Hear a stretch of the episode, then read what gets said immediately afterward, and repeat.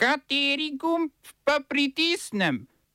Tisti, na katerem piše OF.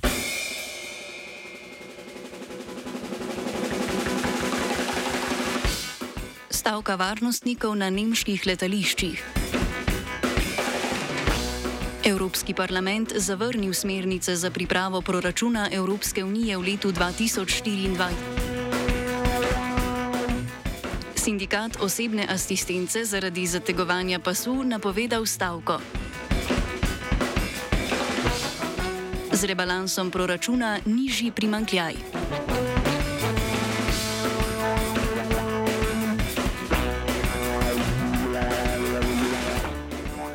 Evropski parlament ni sprejel poročila o proračunskih smernicah Evropske unije za leto 2024. Skupina evropskih konzervativcev in Evropska ljudska stranka sta pripravili dva amantmaja smernic, po katerih naj bi naslednje leto evropski denar namenili za krepitev nadzora na zunanjih mejah Evropske unije. Proti sprejemu enega od amantmajev in posledično smernic so glasovali v skupinah zelenih, socialdemokratov, liberalni skupini Renew in v levici. Evropski poslanec Klemen Grošelj, ki deluje v skupini Renew, podrobneje pojasni razloge za padec poročila.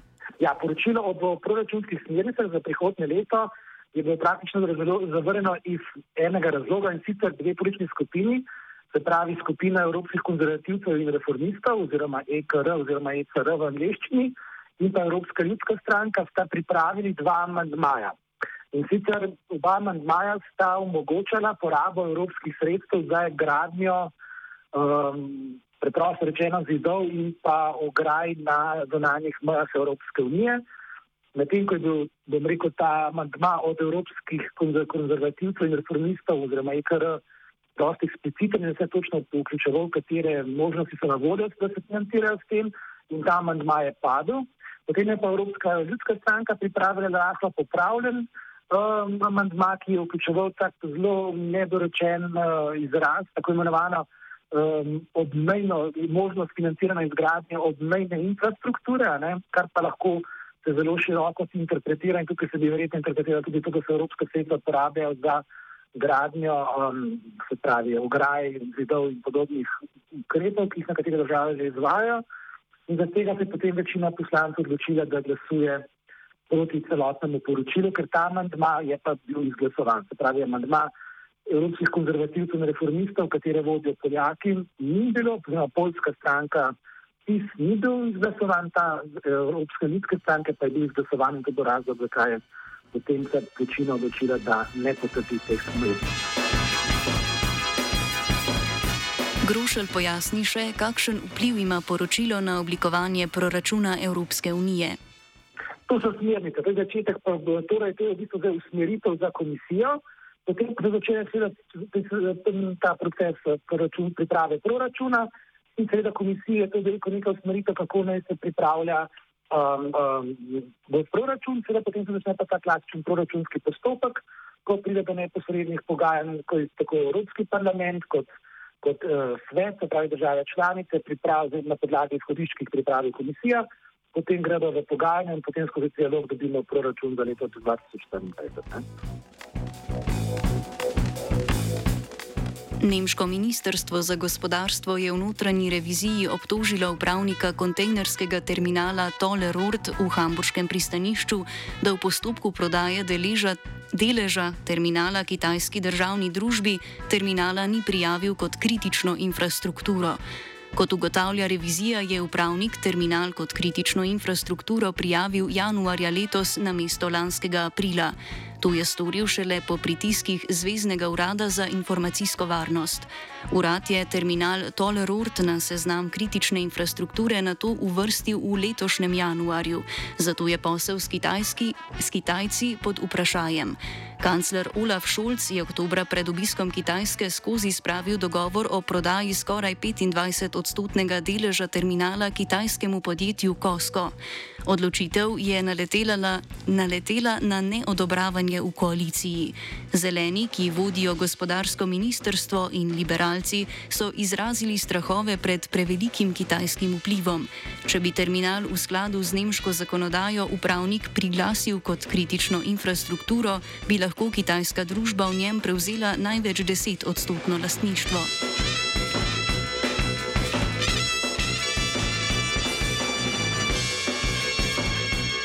Varnostniki na letališčih v Hamburgu, Düsseldorfu in Kelnu stavkajo po neuspešnih pogajanjih za povišanje plač za nočne, vikend in praznične izmene. Letališča zaradi stavke ne bodo obratovala danes in jutri, ko se bodo stavki pridružili še na študgartskem letališču. Odpovedanih bo okoli 700 letov. Stavko organizira sindikalna centrala Verdi. Za jutri je k vse državni stavki železniških delavcev pozval tudi sindikat EVG. Verdi in EVG s tem nadaljujeta stavkovne aktivnosti, potem ko sta konec marca organizirala vse državno opozorilno stavko delavcev v javnem prometu. Zahtevata več kot 10 odstotno povišanje plač, da bi se te uskladile z inflacijo.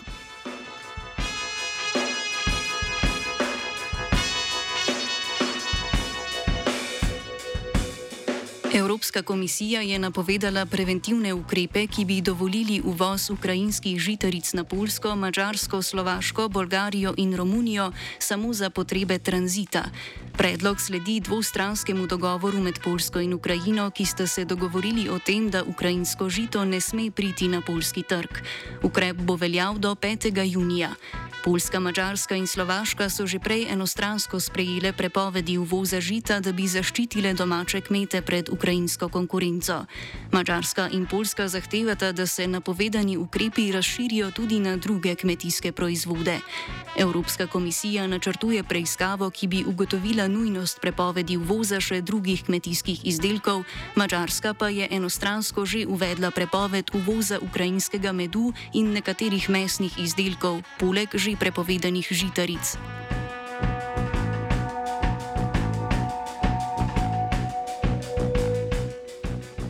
Kubanskega predsednika Miguela Diasa Canela je parlament izvoz, izvolil za nov petletni mandat. Prejel je 97 odstotkov glasov. Dias Kanel je bil za predsedniško funkcijo prvič izvoljen leta 2018, leta 2021 pa je postal še prvi sekretar komunistične stranke, s čimer se je končala dinastična vladavina bratov Castro. Njegovo vladanje sta zaznamovali gospodarska kriza in ekonomska liberalizacija. Kubanska vlada je v času njegovega prvega mandata dovolila delovanje malih in srednjih zasebnih podjetij v sektorjih, ki so bili prej v državnem lastništvu.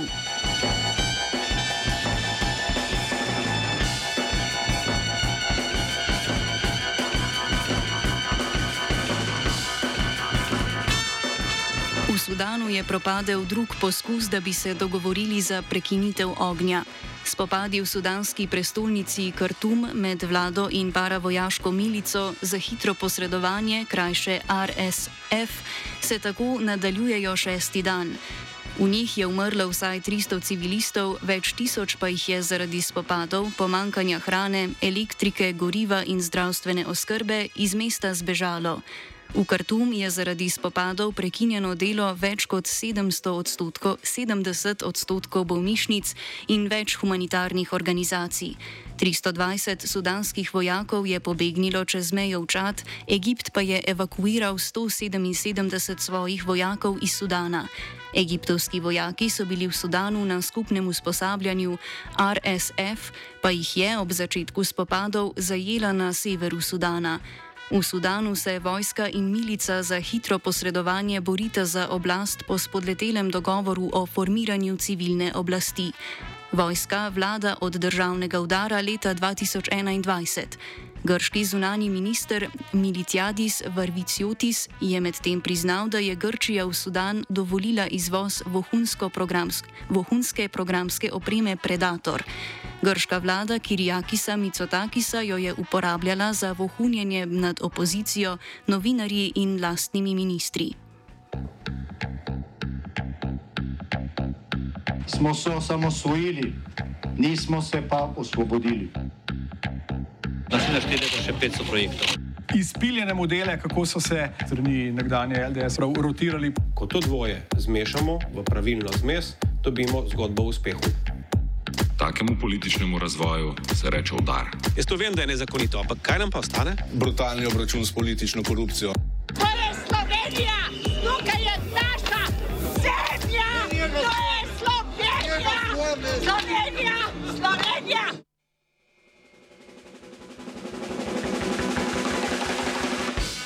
Vlada je sprejela rebalans proračuna, ki zmanjšuje načrtovani primankljaj za 376 milijonov evrov za prihodnje triletno obdobje. Načrtovani prihodki so nižji za 233 milijonov evrov, kar je predvsem posledica nižje ocene davčnih prihodkov, predvsem pa dohodnine. Načrtovani odhodki pa so v primerjavi z aktualnim proračunom nižji za 609 milijonov evrov, med drugim zaradi uspešnega boja z energetsko draginjo, saj so jeseni predvidevali, da bo cene na energetskih trgih više.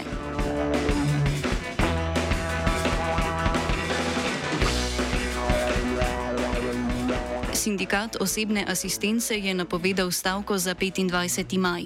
V sindikatu zahtevajo sklenitev kolektivne pogodbe, zagotovitev zadostnega financiranja osebne asistence, zadostnega obsega dopustov in sprejetje standardov glede višine dodatkov. Do Zastopnik sindikata osebne asistence Nenad Hardi Vitorovič pojasni, da problem izvira iz sprememb pravilnika o osebni asistenci pod prejšnjo vlado in na kakšen način agencije delavcem nižajo dohodke. V bistvu eh, gre za, za nekaj, kar je bilo nastavljeno lani z novelo, o, o, eh, z, z novelo pravilnika eh, o osebni asistenci. Namreč prejšnji pravilniki Zdaj, pravilnik je en uh, podzakonski akt, ki je v pristojnosti uh, Ministrstva za delo. Um, in uh, določa, določal je prej, recimo, da uh, se dodatki in druga upravičenja ravnajo po um, kolektivni pogodbi, najprej za, in, za dejavnost zdravstva in socialnega varstva, potem za uh, javni sektor. Lani je pa te napotitve uh, na te dve kolektivki, ki seveda nista kolektivki naši dejavnosti, enostavno uh, uh, odvrgal in uh, so zgolj prepisali uh, višine dodatkov, recimo iz uh, kolektivne pogodbe za javni sektor, ampak izrazili so jih kot maksimalne višine. Uh, se pravi, uh, do največ toliko je upravičen strošek posebne asistence, se pravi, tok smejo uh, naši zaposlovalci dati. Več ne, ker jim ministrstvo tega ne bo priznalo kot upravičen strošek, razen seveda, če imajo neke svoje vire, s katerimi lahko dajo več. Letos se je začelo to, da pač uh, cena ure storitve, ki je bila že prej uh, preniska, je zdaj tako nizka, da se pač uh, ne da uh, več z njo shajati. In uh, uh, naši zaposlovalci pač iščejo rešitve, kako zmanjšati strošek uh, na še vedno zakonit način. In to, glede na to, da pravilnik zdaj dopušča rezanje dodatkov, uh, se izvaja na račun dodatkov, predvsem pa na račun dopustov, tudi, uh, ki so bili nekaj, kar smo lani ob tej noveli pravilnika uspeli zagotoviti, da, da, da, da ostanejo kot so bili po, uh, se pravi, po kolektivni pogodbi za dejavnost zdravstva in socialnega varstva, čeprav tega nikjer ni konkretno zapisano v, v pravilniku. Kot pojasnjuje predstavnik sindikata, so nižanja sredstev v škodo delavcev nepotrebna, a so po pravilniku povsem legalna. E, ministrstvo jim je potem poslalo dopis, da lahko še vedno dajo več dopusta po 160. členu, ampak zdaj je seveda to spet nekaj, kar, kar uh, uh, ko ni sredstev, se da reducirati na minimum, se pravi na 159. člen. In v bistvu je tisti pravilnik bil že nastavljen tako, da se to da, da delati. To je, to je bistvo. Skratka, uh, ni nobene kršitve pravilnika uh, v strogo pravnem smislu. Uh, vse, uh, vse to, kar se dogaja nam v škodo, je zakonito. Ov sta pripravila vajenec Matej in Zala.